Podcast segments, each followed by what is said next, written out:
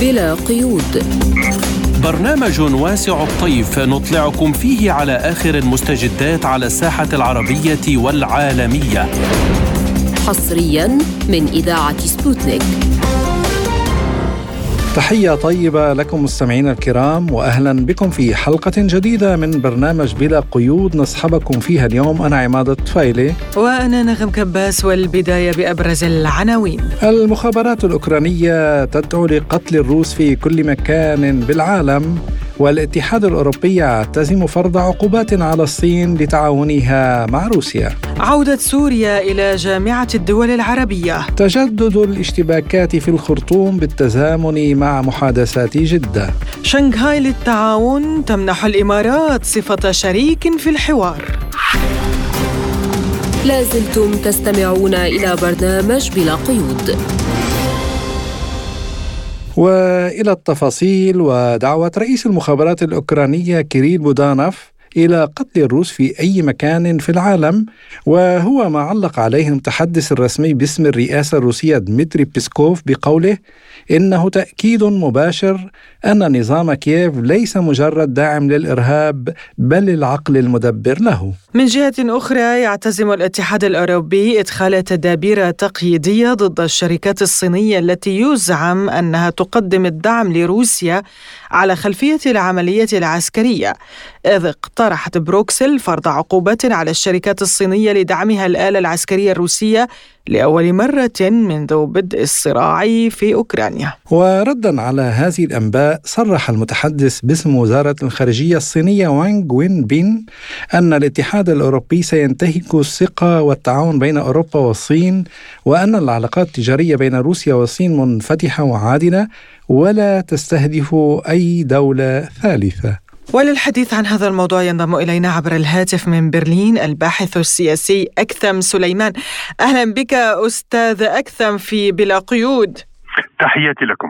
يعني نبدأ من هذا هذه الأنباء التي قالت بأن الاتحاد الأوروبي يريد فرض عقوبات لأول مرة على الشركات الصينية. يعني مزاعم أن الشركات الصينية تزود روسيا بالمعدات التقنية. يعني هذه آه، لم نتأكد منها بعد أن الاتحاد الأوروبي يريد آه، فرض هذه العقوبات. ماذا ستكون العواقب برأيك؟ خاصة أن هناك رد من الخارجية الصينية بأن هذا سيؤزم العلاقات. صحيح. المشكلة متعددة المستويات. أولا يقول الاتحاد الأوروبي أو هناك مصادر إعلامية نقلت عن الاتحاد الأوروبي أن الشركات الصينية تزود جهات عسكرية روسية بتقنيات بأجهزة بغير ذلك من الأمور. النقطة هنا ما دخل الاتحاد الأوروبي بهذه القضية آه، ويقصد بها التصدير والإستيراد سواء كان عسكريا أو مدنيا بين روسيا والصين أو بين الهند وفنزويلا آه، أو بين الأرجنتين و بريطانيا يفترض أن هذه علاقات بينية وكانت الصين أشارت في فترة سابقة إلى أنها لا ترغب ولن تسمح بأن يفرض عليها أحد شيء في ما يتعلق بعلاقاتها البينية، الأمر الثاني هو محتوى هذا الكلام، من أجرى التحقيق؟ متى خرجت النتائج؟ إذا سلمنا بأن بالإمكان بشكل ما فرض عقوبات. آه، هل يقوم الأوروبي والأمريكي؟ هل ما زالا يقومان بدور الشرطي الدولي؟ لكن العالم تغير. لم يعد أحد يستمع إلى مثل هذا الكلام. النقطة الثالثة المهمة هي طبعا ما ذكرت من رد فعل الصيني سيكون أكيد غاضبا في مثل هذه الحالة وهذا يعني أن الاتحاد طيب ماذا يستفيد الاتحاد الأوروبي؟ هو يتبع السياسات الغربية وكل يوم يخسر أكثر وأكثر إن كان من الدول والحلفاء والأصدقاء تماما هذه النقطة. كنت أريد أن أقول أن الاتحاد الأوروبي سيخسر بذلك على الأقل جزءا من علاقاته الاقتصادية مع الصين بعدما خسر الجزء الأكبر من علاقاته مع روسيا. أي الآن الطاقة الرخيصة تختفي والأسواق الواسعة ومجال الاستثمار شيئا فشيئا آه، يختفي. وهنا ملاحظة أخيرة حول موضوع الوساطة الصينية التي ادعى الأوروبيون أنهم سعداء بها. فكيف يقومون بقبول الوساطة الصينية أو يقولون ذلك ثم يعاقبون الصين أو يحاولون معاقبة الصين؟ الآن لماذا يفعلون ذلك؟ لأمر بسيط جدا. هم يراهنون على انتصارهم في نهاية الأمر. هم يتصرفون على أساس أن الصراع هو بين كتل دوليه، الكتلة الأولى هي روسيا والصين ومعهما الحلفاء. والكتلة الثانية هي الأطلسي مجموعة السبع و الاتحاد الأوروبي، هذه حقيقة الصراع ولذلك هم في هذا الصراع يتموضعون بشكل واضح جدا رغم أنهم على الأقل على المديين المتوسط والقصير يخسر يخسرون الكثير من المصالح لكن رهانهم على ما يبدو هو على مآلات الأمور في نهاية آه المطاف، ثم لا ننسى أن أوروبا من الناحية آه الأمنية شبه تابع للولايات المتحدة الأمريكية، لاحظتم العقوبات كيف كانت تنطلق الفكرة من واشنطن وتنفذ من أوروبا أو تبدأ أوروبا ثم آه تقوم واشنطن. كيف تتحدث واشنطن عن أمور أوروبية كقطع سيل الشمال اثنان قبل أن يقرر الألمان ذلك يتحدثون عن تزويد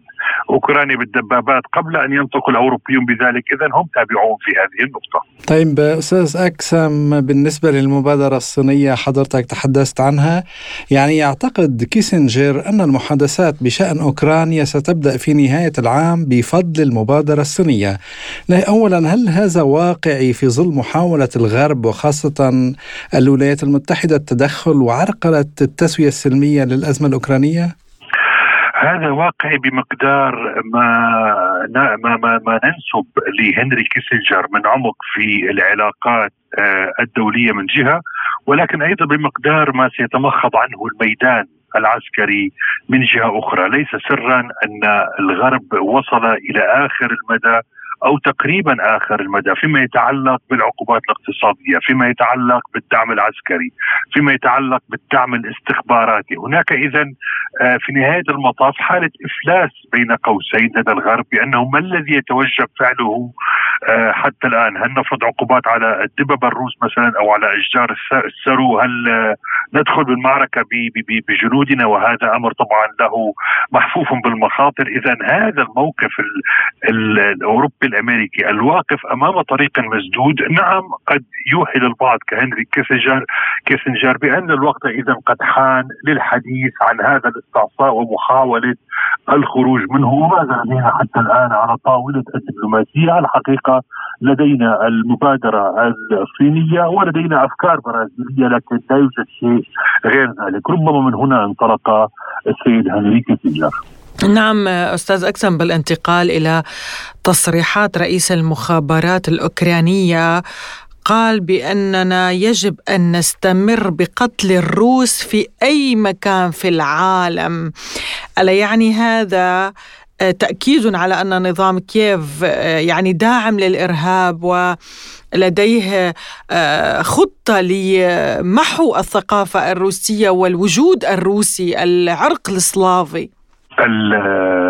التقييم الموضوعي لمثل هذه التصريحات هو بالطبع تقييم واضح. هي تصريحات عنصرية هي تصريحات إرهابية وهي تصريحات تشكل تهديدا للسلم الدولي أي أنها باتت دوله مارقة قبل أن نقول إن الحكومة نازية أو إن هناك أفكار عنصرية هذه باتت دولة مارقة. وفي الحالة العادية كان يفترض بالغرب أن يقول كما قال في حالة سورة بورا أو غيرها من الأماكن إن هذا إرهاب وإن هذا تهديد للسلم الدولي وعلينا البدء بالتعامل مع هذا الموقف. لكن كما تلاحظين هناك سكوت عن الإجرام عندما يكون الإجرام قادما من جهة يتحالف الغرب معها المطمئن في هذه النقطة أن حتى موضوع الإرهاب أو موضوعه الإرهاب والعنصرية وغيرها والتي كان الغرب هو الذي يفرض معاييرها على العالم ويقول أفغانستان فيها حالة إرهابية، العراق مثلا فيه حالة إرهابية أو غير ذلك من الأمور، هذا العصر أيضا ولا أي أنه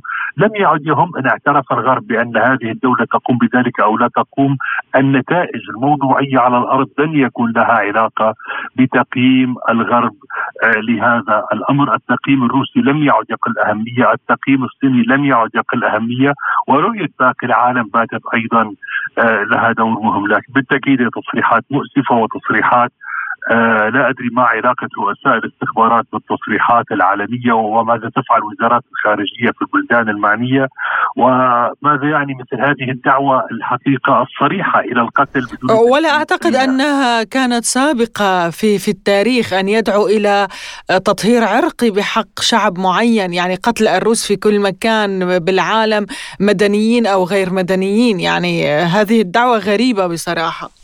تماما هي تأتي في إطار فعليا لو أردت فعلا البناء عليها لو كان الغرب صادقا فيما يفعل ويقول لكان رفع دعوى قضائية عليه على اعتبار أن هناك حاله حرب في أوكرانيا وأن أحدهم يقوم بالدعوة إلى ارتكاب جرائم حرب وجرائم ضد الإنسانية. لكن للأسف حتى هذه الناحية القضائية الدولية إن شئت الولاية القضائية الدولية بات الغرب يتلاعب بها. وأصبحت لاهاي ومحكمة لاهاي مسرحا لأمثال فلوديمير زيلينسكي بدلا من أن تكون هيئة مستقلة للتعامل مع الحروب جميع الحروب وللتعامل على نفس السوية مع جميع الأطراف، لذلك كما أقول كما قلت سابقا نحن أمام عالم جديد، يعني يجب أن نفهم أن العالم الجديد لم تعد فيه أماكن كثيرة يحجزها الغرب ولا مؤسسات كثيرة سيسيطر عليها الغرب وإنما سنشهد ولادات أخرى في نهاية المطاف، لذلك ما قاله رئيس الاستخبارات الأوكرانية يدخل فقط في كما يقال بالعربية فشة خلق أو آه إنسان آه لا يعي ما يقول لسانه لكن بالتأكيد لا ليس له أثر حقيقي على الأرض على الإطلاق لأن الأمر كما ذكرت تغير على مستوى العالم وليس الآن على مستوى أوكرانيا أو رئيس مخابراتها أو رئيسها أو غير ذلك. طيب فيما يخص الموقف التركي من آه، الأزمة الأوكرانية يعني المتحدث باسم أردوغان اتهم الدول الغربية بدعم استمرار الصراع في أوكرانيا يعني وكأنهم لا يريدون الحل يعني برأيك هل هو هذا الموقف التركي الحقيقي أم هو جزء يعني من حملة أردوغان الرئاسية؟ الاثنان معا يعني هناك شعبية لدى الأتراك الحقيقة لدى قطاعات واسعة من الشعب التركي آه واستحباب ل آه دعنا نقول النظرة النقدية إلى الغرب. هم يشكون في الغرب هم عانوا في تاريخهم أيضا من هذا الغرب قبل أن ينضوا تحت جناح حلف شمال الأطلسي وهم يعانون حتى الآن من عنصرية هذا الغرب. الحقيقية بشأن ضم بلادهم. اذا هو بالتأكيد فيه جانب انتخابي. هذا الجانب الانتخابي يتمثل في صورة القائد الذي ينتقد حتى الحلفاء وما إلى ذلك. الأمر الثاني لكن بعيدا عن الانتخابات الحقيقة أن رجب طيب أردوغان آه والحزب الحاكم في تركيا حاليا يبدو لديهم نوع من الرؤية لهذه المتغيرات العالمية التي وصفنا قبل قليل وأن تركيا بالذات بموقعها الجيوستراتيجي بموقعها الثقافي بموقعها التاريخي وحتى الجغرافي آه، يجب أن تبحث عن أماكن أقل انشدادا إلى المعسكر الغربي بالشكل الذي كان قائما في فترات سابقة. فبهذا المعنى يكون للتصريح أو لهذه الرؤى آه، بعدان بعد انتخابي بكل تأكيد. لكن أيضا هناك بعد موضوعي حقيقي شهدناه فيما يتعلق باتفاقية الحدود شهدناه فيما يتعلق باستضافة محادثات روسية أوكرانية رغم اعتراض الحقيقة الغرب على هذه المحادثات ورفضه لها. نعم سؤال أخير لحضرتك أستاذ أكثم عن الهجوم المضاد. يعني يتحدثون عن هجوم مضاد هجوم مضاد. يقول الغرب بأن هذا الهجوم المضاد ضروري جدا لأنه سيجبر سيجبر روسيا للتفاوض بشروط نظام كييف. هل تعتقد أن هذا الهجوم المضاد سيحدث خاصة وأن اليوم موسكو تعد العدة لمواجهة هذا الهجوم وهناك أسلحة نوعية دخلت إلى المعركة وأعاقت آه، آه، الهجوم الذي تم منذ بضعة أيام على جبهات خرسون وزباروجيا أرتيوموفسك. أهمية الهجوم المضاد المفترض ليست في حدوثه في حقيقة الأمر. الكل يعلم ولاحظ تصريحات العسكريين الغربيين الواعين. الكل يعلم أن لا أمل من مثل هكذا هجوم لأن العمق الروسي وإمكانيات التجنيد وإمكانيات الزج بقوات إضافية إضافة إلى الأسلحة الحديثة تجعل من هذا الأمر أمرا يعني مثيرا للسخرية بالمعنى العسكري. لكن فكرة الإيمان والإخبار دائما عن هجوم مضاد معتزم قادم هو على الطريق. أمر ضروري من أجل إقناع الشعوب باستمرار دعم أوكرانيا وكأنك تقولين لهم النصر صبر ساعة كما يقال. يعني هم يمولون بالأسلحة ويمولون بالأموال ويمولون بالاستخبارات. فلماذا هذا كله إن لم يكن هناك فرصة لهجوم مضاد؟ تأتي هنا فكرة الهجوم المضاد الذي اسموه مرة هجوم الشتاء ولم يأتي ثم اسموه هجوم الربيع ولم يأتي والآن سيسمونه هجوم الصيف. لكن الفكرة هي إبقاء هذه الفزاعة آه، دائما موجودة. ليس من أجل أن يفزع الجيش الروسي العسكريون يفهمون أن هذا الأمر شبه مستحيل. لكن كي يحافظوا على حالة التوتر داخل المجتمعات الغربية ان نحن على وشك الانتصار على وشك شن الهجوم المضاد. والذي بعده ستخضع روسيا وستقوم وستفعل وستتنازل. وهذا كله يجعل من آه، صبر الشعوب هنا امرا أكثر يسرا من أن تقول لهم الحقيقة لا يوجد أي شيء عسكريا ودبلوماسيا أيضا نحن مفلسون لكننا ننتظر قضاء الله وقدره. الخبير في الشأن الأوروبي أكسم سليمان كنت معنا من برلين. شكرا جزيلا لك أستاذ أكسم العفو. ما زلتم تستمعون إلى برنامج بلا قيود وإلى العلاقات العربية السورية إذ أعلنت الجامعة العربية استئناف مشاركة وفود سوريا في اجتماعات مجلس الجامعة والأجهزة والمنظمات التابعة لها بقرار من وزراء الخارجية العرب خلال اجتماع مجلس الجامعة العربية على المستوى الوزاري. وقالت وزارة الخارجية السورية إنها تلقت باهتمام هذا القرار لما له من أهمية في الحوار والعمل المشترك لمواجهة التحديات التي تواجهها الدول العربية مؤكدة أن المرحلة القادمة تتطلب نهجا عربيا فاعلا وبناء على الصعيدين الثنائي والجماعي يستند على قاعدة الحوار والاحترام المتبادل والمصالح المشتركة للأمة العربية. ولمناقشة هذا الموضوع أكثر تنضم إلينا عبر الهاتف الخبيره بالعلاقات الدولية الدكتورة عبير حيالي. أهلا بك دكتورة عبير ودعيني أبدأ من آه، الاتصال الهاتفي بين الأسد ورئيس دولة الإمارات بعد فورا القرار يعني وشكر الأسد فيه تحسين دور الإمارات في تحسين العلاقات العربية مع سوريا. ما هو الدور الذي لعبته أبو ظبي ويمكن أن تلعبه أيضا في المستقبل؟ آه، مرحبا بكم وبمستمعيكم الكرام أيضا من المؤكد أن الإمارات أخذت على عاتقها مهمة إذابة الجليد بين دمشق ودول مجلس التعاون ولا سيما المملكة العربية السعودية لما لها من دور إقليمي ودولي ربما مؤثر ومنها انتقلت إلى باقي الدول العربية. استطاعت أبو ظبي تقريب وجهات النظر والدخول في مرحلة تنقية العلاقات ممكن تسميتها تنقية العلاقات السورية العربية بشكل العام. ولأن الإمارات باتت مركز استقطاب إقليمي ولديها موقع سياسي في المنطقة يمكنها من التواصل مع جميع الأطراف مما جعلها مركز لإدارة الحوارات الخاصة بسوريا. استطاعت في الحقيقة أن تلعب دورا مؤثرا في تقريب وجهات النظر لما يصب في مصلحة المنطقة عموما. تعمل الإمارات العربية المتحدة الآن على آه، على إزالة جميع الشوائب الموجودة لأن عودة سوريا إلى جامعة الدول العربية لا تصب فقط في صالح سوريا. يعني آه، الجميع يتعامل مع الموقف وكأنما سوريا المستفيد الوحيد من هذه العودة. على الإطلاق آه، جميع الدول ولا سيما دول الجوار لديها ملفات قوية أمنية وسياسية واقتصاديه متعلقة بسوريا. ولذلك هذه العودة تصب في صالح الجميع. ستستمر الإمارات العربية المتحدة في دورها الفعال ولربما آه، نجد دول عربية أخرى ستقدم المساعدة القوية للإمارات لأن هذا الملف إذا نجح سيعود على بخيره على المنطقة آه، بشكل عام. يعني هناك فائدة عربية وإقليمية في عودة سوريا.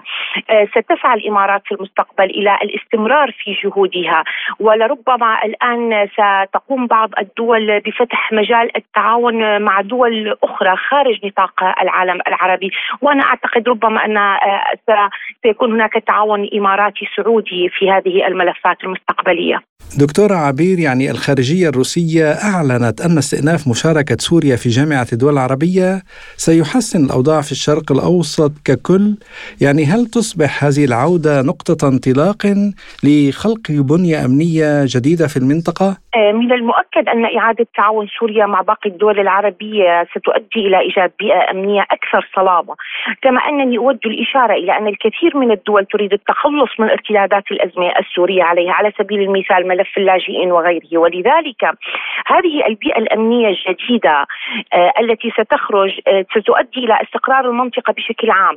استقرار سوريا والمنطقة المحيطة إيجاد تكتل أمني كامل في المنطقة بالإضافة إلى آه، روسيا ومعها الصين سيؤدي إلى خلق جبهة جديدة بالكامل. هناك استقرار شرق أوسط. الغرب دائما يطمح إلى إبعاد الاستقرار عن منطقة الشرق أو الأوسط. لدى روسيا علاقات مهمة في منطقة الشرق الأوسط وكذلك الصين.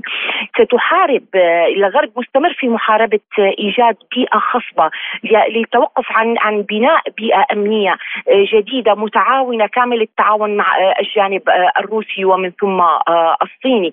ولذلك عندما تحدثت روسيا عن عن أهمية استقرار آه، الشرق الأوسط آه، نحن نتحدث عن عالم أمني جديد عالم بمظلة اقتصادية وسياسية وأمنية جديدة في الكامل ربما نشاهدها خلال سنوات قليلة جدا ماذا عن قطر دكتورة؟ قالت إن موقفها المعارض لعودة سوريا إلى الجامعة العربية لم يتغير يعني ما زالت على نفس السياسة لماذا برأيك ما هي الشروط اللازمة لتغيير موقف الدوحة؟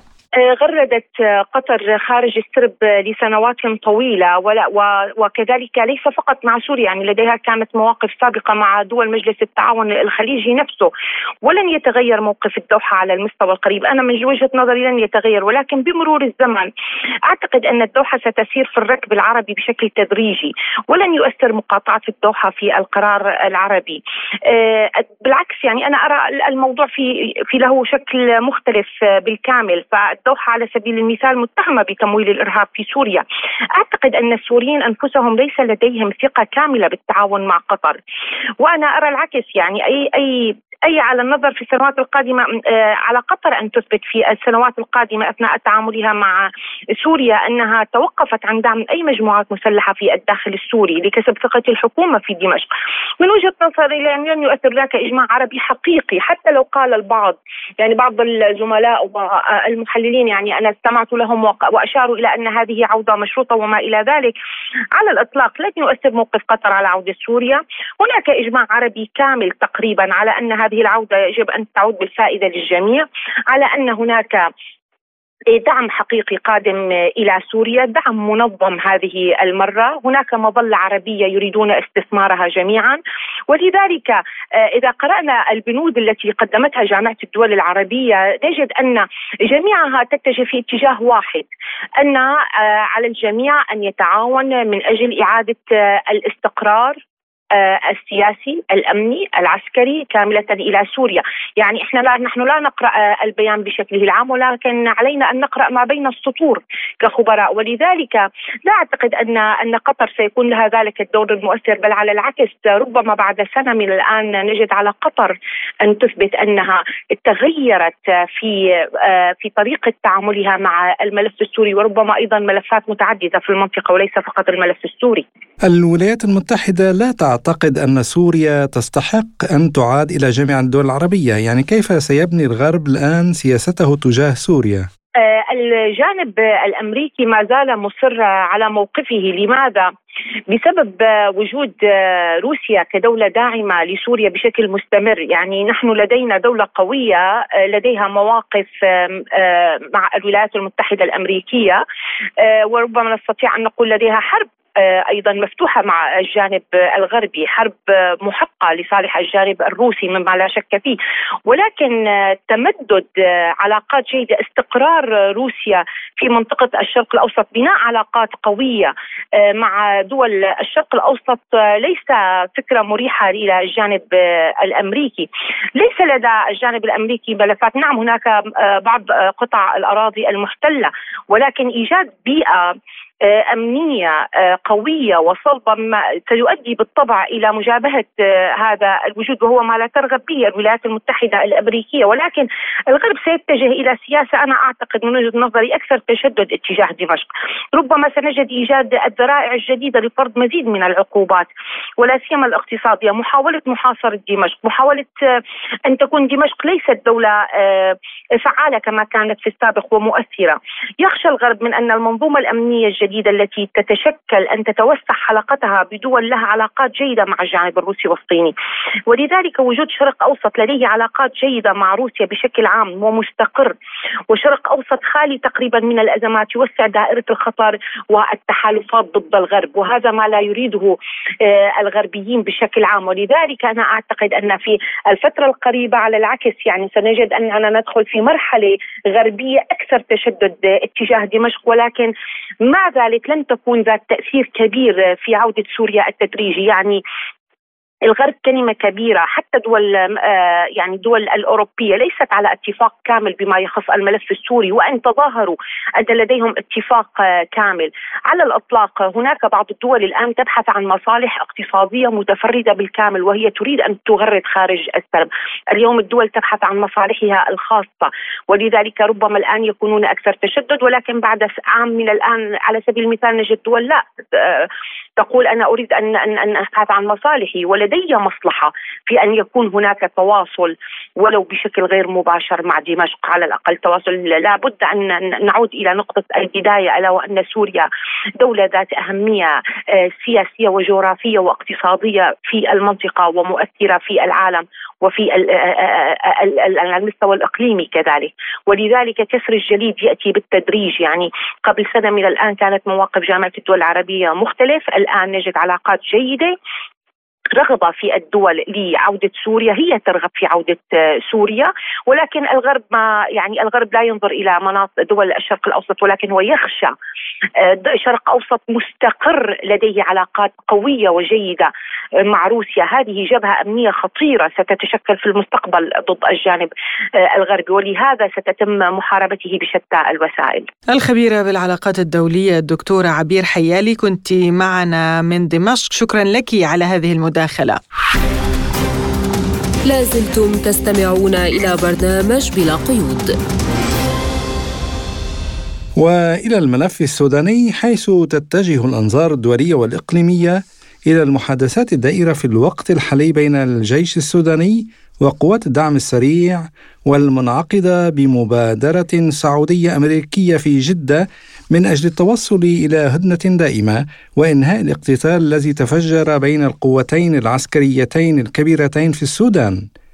مخلفا مئات القتلى فيما يأمل الوسطاء الدوليون والإقليميون أن تمهد تلك المشاورات في خطوة لاحقة إلى إطلاق عملية سياسية بين الأطراف السودانية وأعرب وزير الخارجية السعودي الأمير فيصل بن فرحان عن أمله بأن يقود الحوار بين الجيش السوداني والدعم السريع إلى إنهاء الصراع وانطلاق العملية السياسية وعودة الأمن والاستقرار إلى البلاد.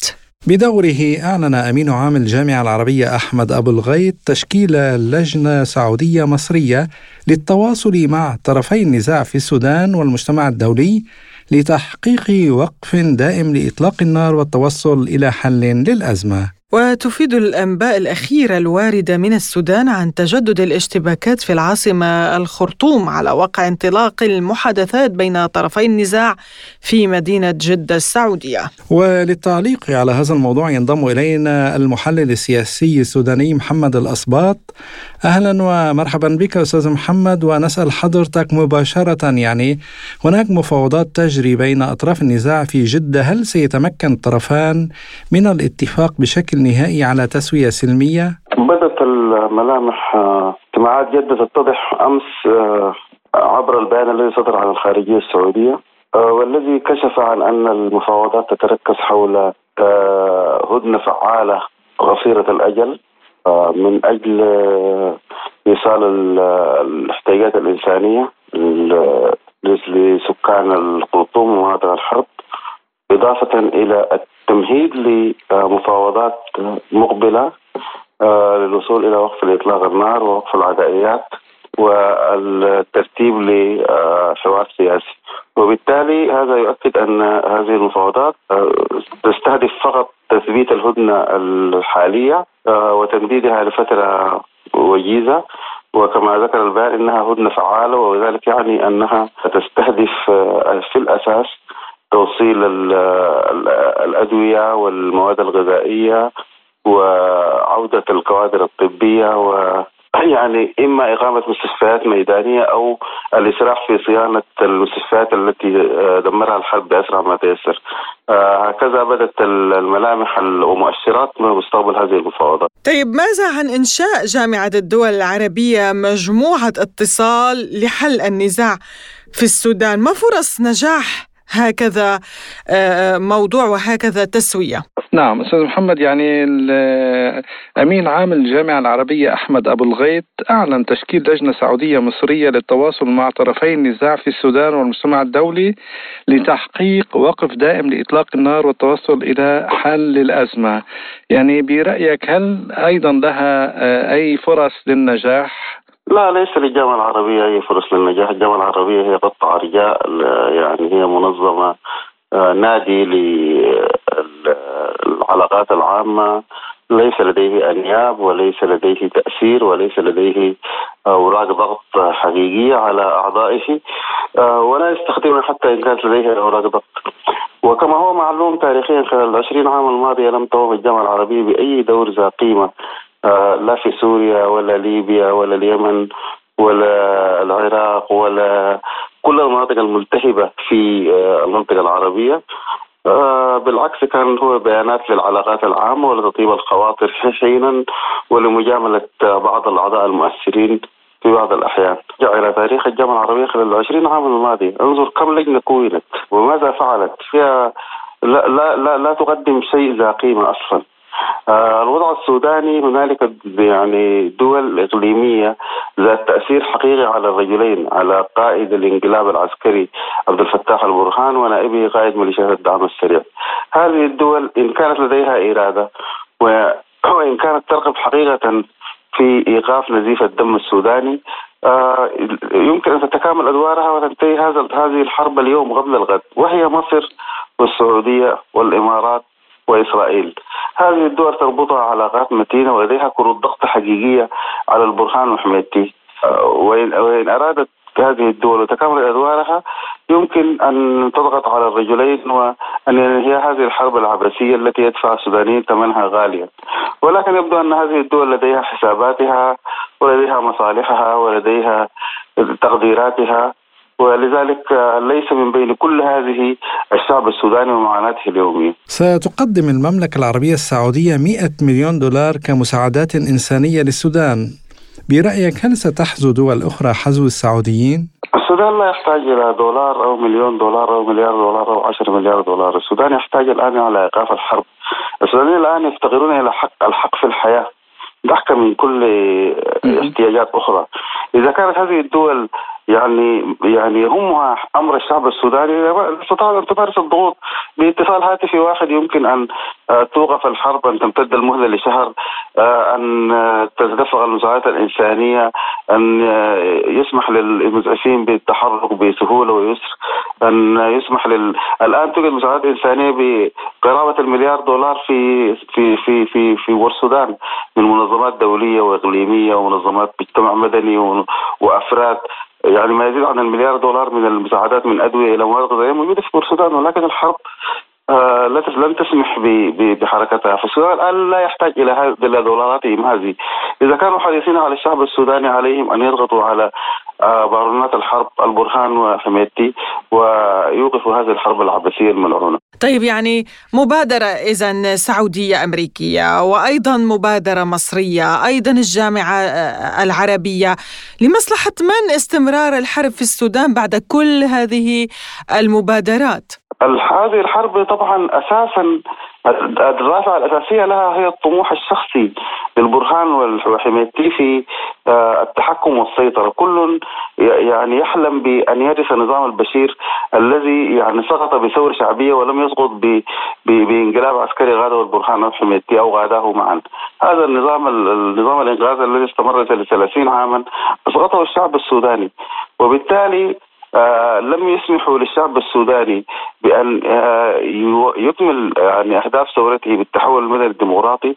قطعوا الطريق عليها بفضل عنيف الاعتصام في يونيو 2019 ثم آه، ظلوا يقتلون المتظاهرين بشكل يومي منذ أن تم تشكيل حكومه الدكتور عبد الله حمدوك الأولى حتى انقلابهم المشؤوم في الخامس والعشرين من أكتوبر 2021 ثم الآن بحربهم العبثيه في 21 آه، عفوا في 15 أبريل الماضي.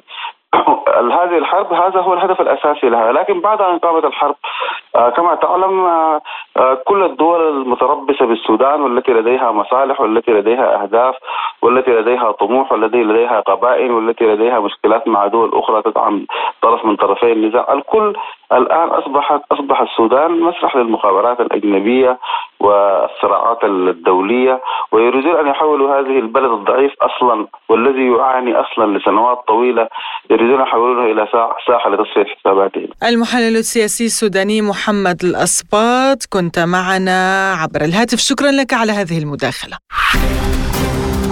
ما زلتم تستمعون إلى برنامج بلا قيود. وإلى موضوعنا التالي منحت منظمة شنغهاي للتعاون لإمارات صفة شريك في الحوار على جهودها المتواصلة في الحفاظ على شراكات متوازنة ومتنوعة وتطويرها مع الدول والمنظمات الدولية. وتم تتويج مشاركة دولة الإمارات بالتوقيع على مذكرة تفاهم للانضمام إلى الرابطة كشريك حوار. وأكد وزير الخارجية والتعاون الدولي عبد الله بن زايد آل نهيان على الدور الكبير الذي لعبته المنظمة على مدى العقود الأخيرة في دعم الاستقرار السياسي والازدهار الاقتصادي في جميع أنحاء أوراسيا وخارجها مشددا على التزام دولة الإمارات الثابت بالتعددية بصفتها عضوا فاعلا في المجتمع الدولي وأن الدولة تدرك الأهمية الحاسمة لمنظمات مثل منظمة شنغهاي للتعاون في بناء جسور التعاون بين الدول الأعضاء نحو تحقيق الأهداف المشتركة. وقال الوزير الإماراتي ستسعى دولة الإمارات في الفترة المقبلة إلى اتخاذ خطوات فاعلة في مشاركتها مع منظمة شنغهاي للتعاون والدول الأعضاء فيها إننا سعداء بالانضمام كشريك حواري في منظمة يستمر تأثيرها وأهميتها العالمية في النمو. حول هذا الموضوع قال الأكاديمي والخبير في الشؤون الخليجية الدكتور علي الهيل لبرنامج بلا قيود يبدو أن ثمة تحولات آه، سياسية كبيرة تحدث في منطقة الخليج العربي لأول مرة في التاريخ يعني السعودية حسب علمي انضمت إلى منظمة دول شنغهاي بقيادة الصين وعلى وشك أن تدخل هي وإيران إلى منظمة آه، بريكس بقيادة الصين وخاصة بعد إعادة تدشين العلاقات آه، بين السعودية وإيران من بيجين مما أحدث زلزالا وبركانا سياسيا كبيرا كما تعلم وخيب آه، أمل الأمريكيين والأوروبيين يعني حلفاء الولايات المتحدة الأمريكية. الإمارات أيضا من الدول الداعمة لعالم متعدد الأقطاب. وأنت تعرف أن الحرب الروسية الأوكرانية أفرزت عالما متعدد الأقطاب. فلم يعد لدينا الآن عالم واحد بقيادة الولايات المتحدة البريطانيه وبريطانيا.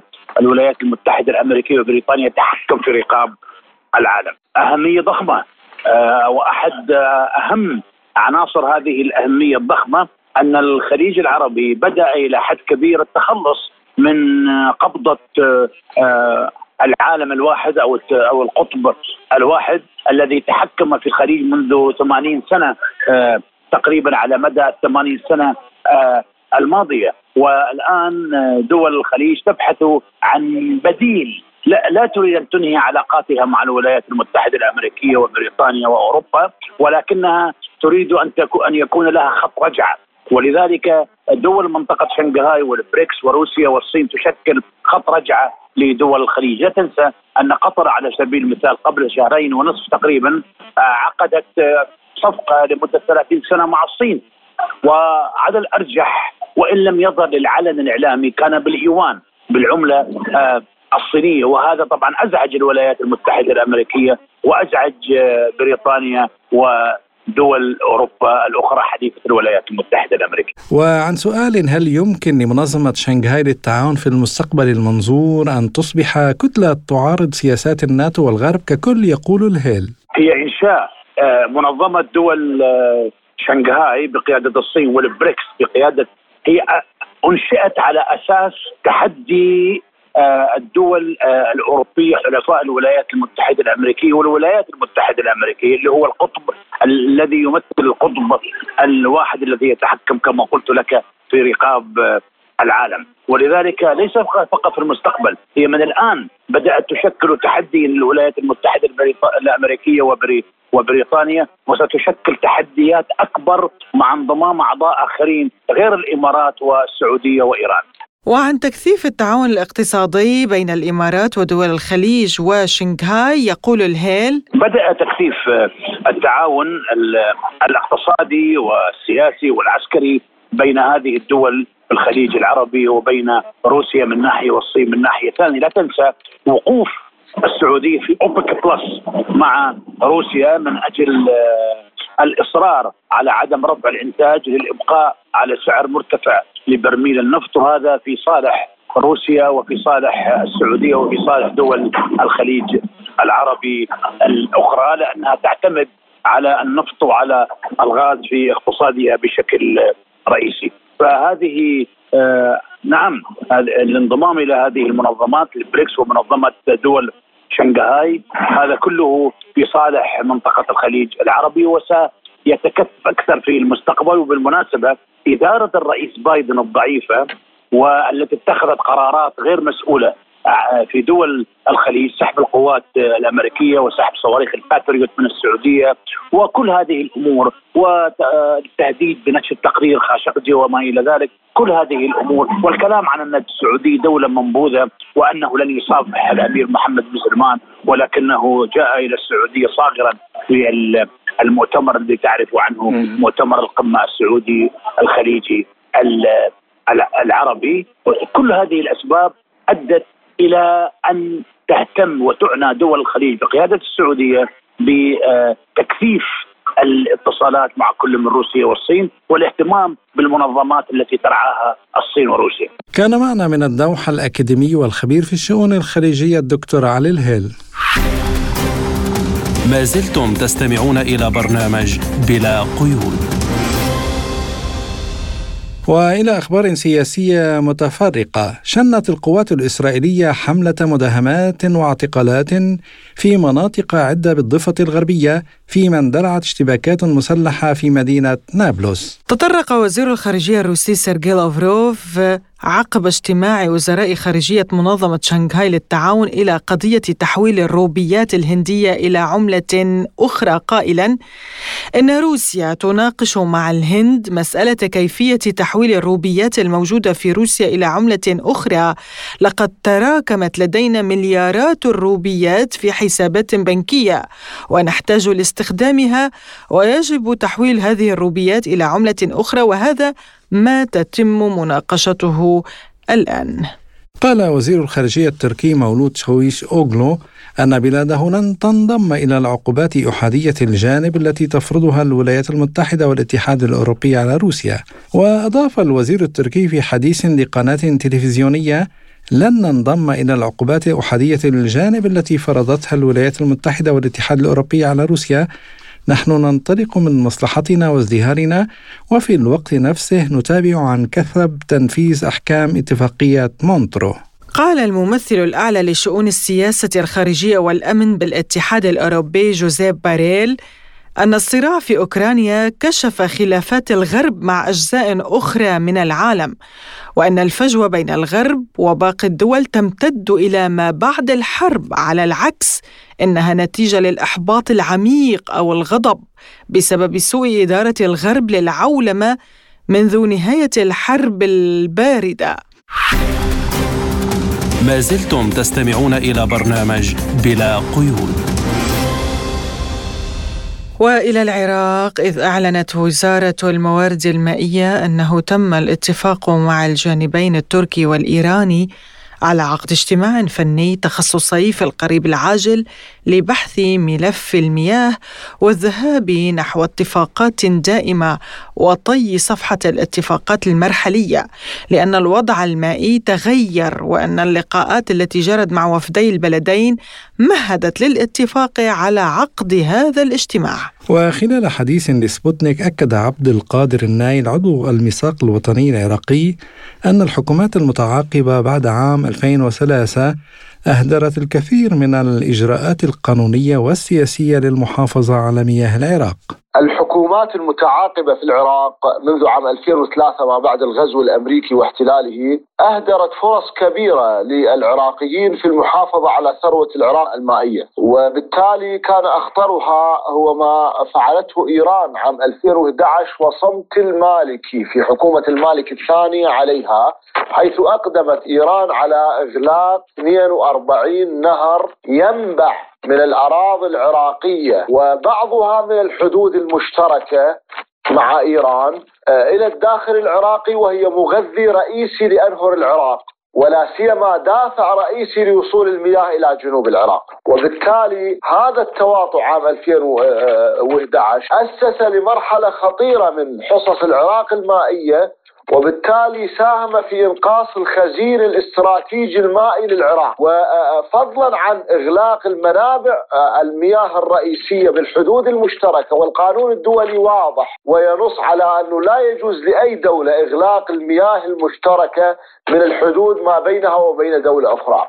وبالتالي ورأى النايل أن على العراق التوجه فورا لمجلس الأمن الدولي لحل هذه المسألة. من يريد أن يعمل على المحافظة أو إعادة حقوق العراق المائية الذي يعاني العراق ونحن مقبلين على فصل الصيف الملتهب في العراق. عليه أن يبدأ بالإجراءات الفعلية والحقيقية التي تؤهله للمضي لاستعادة حقوق العراق المائية ومنها تقديم شكوى رسمية إذا كان السوداني جادا فيما يطرحه على أنه يريد أو يدعو العالم لمساعدة العراق في الجفاف أن يقدم دعوة رسمية إلى مجلس الأمن الدولي حتى يتسنى اتخاذ قرار بفتح وإجبار إيران على فتح 42 نهر والمياه المشتركة في الحدود لأنها حولت جميع هذه المسارات إلى الداخل الإيراني فقط. ومن ثم عليه أن يذهب باتجاه إجراءات فعلية منها شاء سد كبير على ملتقى نهر دجلة والفرات في البصرة التي تعاني هي الأخرى من ملوحة المياه وعدم وصول المياه العذبة هناك لأن المياه العذبة تتدفق إلى شط العرب من دون فائدة عراقية لأن شط العرب كما معلوم هو مالح إلى درجة كبيرة وبالتالي لو كان هناك سدا كبيرا مائيا وخزانا كبيرا لا حقيقة استطاع أن يحوي هذه المياه في البصرة ولا استفادت منها آه، خزين آخر. وبالتالي أيضا هناك قضية أخرى مهمة أن حصص الماء التي تتدفق من تركيا باتجاه العراق هي أيضا خاضعة لعمليات السرقة في السدود آه، في سوريا سواء في السدود التي يشرف عليها نظام بشار الأسد أو السدود التي تشرف عليها الجماعات المسلحة الأخرى. وبالتالي هذه أيضا مشكلة كبيرة في حصص العراق المالية. إلى الآن لم تتخذ لا الحكومات ولا حكومة السوداني أي تدخل من خلالها. وبالتالي أيضا ينبغي التفاوض بشكل واضح تماما مع تركيا حول حصص العراق المائية. لكن هم تجاهلوا كثيرا من النصح التركي لهم حول آه، صيانة السدود وحول آه، تخزين المياه بشكل واضح تماما وأطلقوا عدة تحذيرات إلى السلطات الحكومية في عدة سنوات ماضية أن سياستهم المائية خاطئة ينبغي أنهم يتخذون بعض الإجراءات للمحافظة على آه، الاحتياطي المائي لأنهم لديهم سدود وانشاءات جديدة يريدون ملء آه، مياه منابع دجلة والفرات فيها. ولذلك حقيقة هناك هناك تقصير كبير وهناك أيضا تهاون وتعاون في إهدار السلطات الحكومية لثروة العراق المائية التي للأسف الشديد سيعاني العراق منها معاناة كبيرة في قادم الشهور من هذا العام والأعوام القادمة. وإلى هذه اللحظة لا توجد استراتيجية حكومية راشدة ولا يوجد هناك أي سماع لأي أصوات عراقية كفؤه خبيرة بالمحافظة على الثروة المائية ولا بالنصح السياسي الذي يقدم لا للحكومة ولا للرأي العام من خلال اتباع الطرق الحقيقية والواقعية والميدانية للعراق لأنهم يسعون إلى تصحير أو زيادة تصحير العراق. والدليل على ما أقول الحملات المسعورة التي تقوم بها بعض الجماعات المسلحة من إحراق المحاصيل الزراعية الرئيسية كالحنطه والشعير وما جرى خلال الأيام الماضية القريبة من إحراق مزارع النجف وبعض المزارع الأخرى إلا دليل واضح تماما على أنهم يسعون بكل الأطر إلى زيادة التصحر في العراق وبالتالي هذه حقيقة تهدد سكان العراق بشكل كبير تماما. كان هذا تعليق عبد القادر النايل عضو الميثاق الوطني العراقي. لازلتم تستمعون إلى برنامج بلا قيود. وإلى موضوعنا الأخير ومسيرة الفوج الخالد التي جابت شوارع بيروت في الذكرى الثامنة والسبعين للانتصار على النازية. طبعا شارك المئات من أبناء الجالية الروسية واللبنانيين بمسيرة الفوج الخالد في لبنان التي انطلقت من أمام السفارة الروسية في بيروت وصولا إلى البيت الروسي. وبمناسبة الذكرى الثامنة والسبعين للانتصار على النازية في الحرب العالمية الثانية انطلقت مسيرة الفوج الخالد يتقدمها السفير فوق العادة والمفوض لروسيا الاتحادية لدى لبنان ألكسندر روداكوف ومدير البيت الروسي في بيروت ألكسندر ساروكين ودبلوماسيين وشخصيات عامة لبنانية وبمشاركة مواطني روسيا وخريجي الجامعات السوفيتية والروسية وأصدقاء روسيا من اللبنانيين.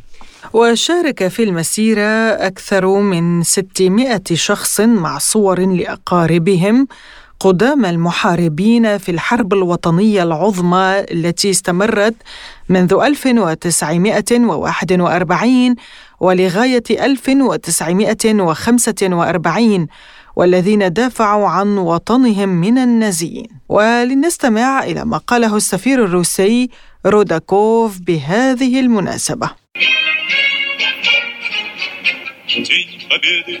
как он был от нас далек, как в костре потухшем таял уголек.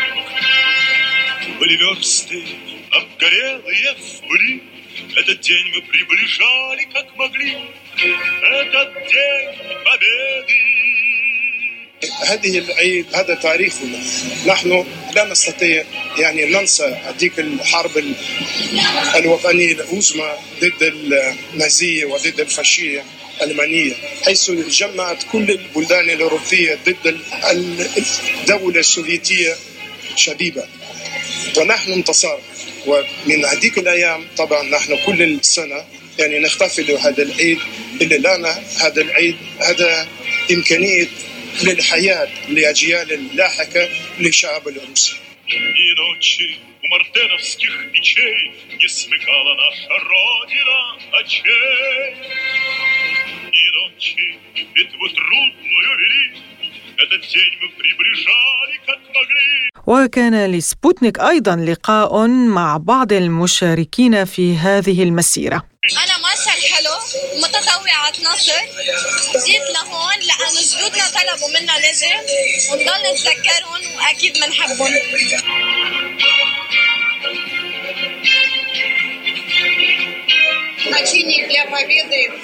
عيد النصر هو عيد مهم بالنسبة إلى كل منزل وكل فرد في روسيا. في هذه الحرب دفعت روسيا ثمنا كبيرا. أكثر من 26 مليون شهيد في الحرب الوطنية العظمى. لهذا السبب هو عيد خاص ومقدس بالنسبة إلينا.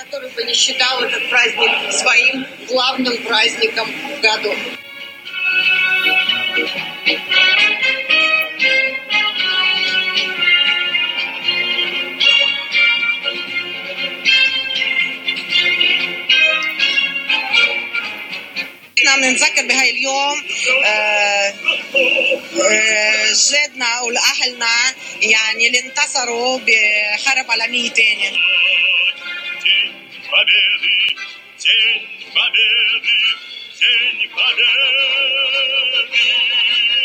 ومتابعة لعيد النصر على النازية وعلى الصعيد الرسمي أفاد المكتب الصحفي للكرملين بأن الرئيس فلاديمير بوتين بعث عشية يوم التاسع من مايو أيار رسائل تهنئة إلى معظم زعماء بلدان رابطة الدول المستقلة. وذكر المكتب الصحفي أن الرئيس بوتين بعث التهنئة إلى زعماء أذربيجان وأرمينيا وبيلاروسيا وكازاخستان وقرغيزستان وطاجكستان وتركمانستان وأوزبكستان.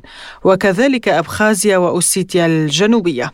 ووجه الرئيس الروسي التهنئة بمناسبة الذكرى الثامنة والسبعين للنصر في الحرب الوطنية العظمى إلى شعوب جورجيا ومالدوفا وقال المكتب الصحفي للكريملين في تهنئته أشار رئيس الدولة الروسية إلى أننا في هذا اليوم المهم نحيي الاحترام العميق ونبدي الامتنان لجميع الذين مكنتهم تضحياتهم التي لا مثيل لها في ساحات القتال.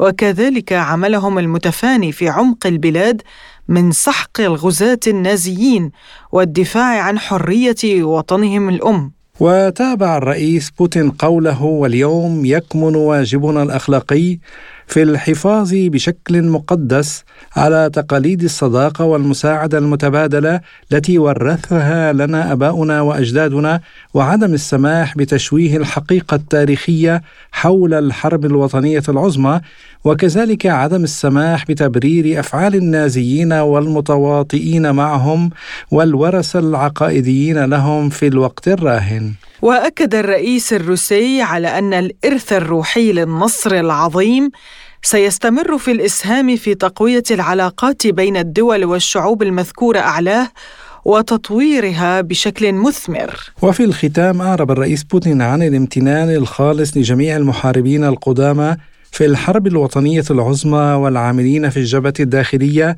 وتمنى لهم الصحة الجيدة والروح الطيبة والرفاهية والعمر المديد.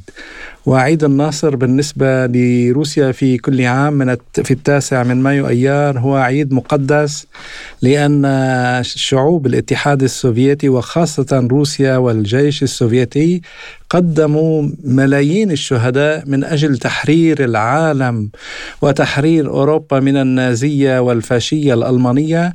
وها اليوم أيضا يعني التاريخ يعيد نفسه. روسيا تحارب أيضا النازيين الجدد. في أوكرانيا. نعم. نعم يعني حتى إنه آه، أعتقد أن روسيا كما سابقا بالعام 1941 قدمت آه، كل هذا العدد والملايين من الشهداء في سبيل حصول العالم على حريته من الهيمنة النازية آنذاك. اليوم هي أيضا مستعدة لتقديم كل التضحيات الممكنة من أجل آه، أيضا تخليص العالم من الهيمنة الأمريكية والنازيين الجدد في آه، أوكرانيا. ونحن نرى أنهم يسطرون آه، أسمى البطولات وملاحم آه، بطولية يا عماد في نعم. أوكرانيا منذ أكثر من عام وحتى الآن لذلك هذا العام يمر عيد النصر ولا ننسى أنه آه، كل الدول الغربية وعلى رأسهم الولايات المتحدة الأمريكية يمدون النظام في كييف بكافة أنواع الأسلحة الحديثة وغيرها والأموال و... وعلما أنهم يعني النظام في أوكرانيا رفع شعار النازية المتطرفة ضد والكراهية للروس للمواطنين الروس سواء في أوكرانيا وفي كل العالم يعني. وهذا شيء لا يمكن يعني السماح به. وروسيا يعني تحاول قدر الإمكان تحرير العالم مرة أخرى من نير وخطر هذه النازية الجديدة. بالفعل حتى أننا نلاحظ أن الدول العربية اليوم أصبحت أكثر آه، تحررا باتخاذ قراراتها بعد الحرب الأوكرانية لماذا؟ لأنه آه، دخول روسيا في هذا الصراع ومحاولاتها آه، موازنة كفة السياسة العالمية وخلق أقطاب جديدة ودول عربية صاعدة مثل السعودية يعني في هذا السياسة العالمية وفي النظام العالمي الجديد الذي يتشكل كل هذا أسهم آه، قوة الدول العربية بقوة قرارها بتحرر إرادتها السياسية. أكيد يعني عالم أحادي القطب أثبت فشله وأثبت عدم نجاعته. يعني بالطبع عالم أحادي القطب الذي أدى إلى أن يكون هناك هيمنة غربية على العالم وعدم عدالة.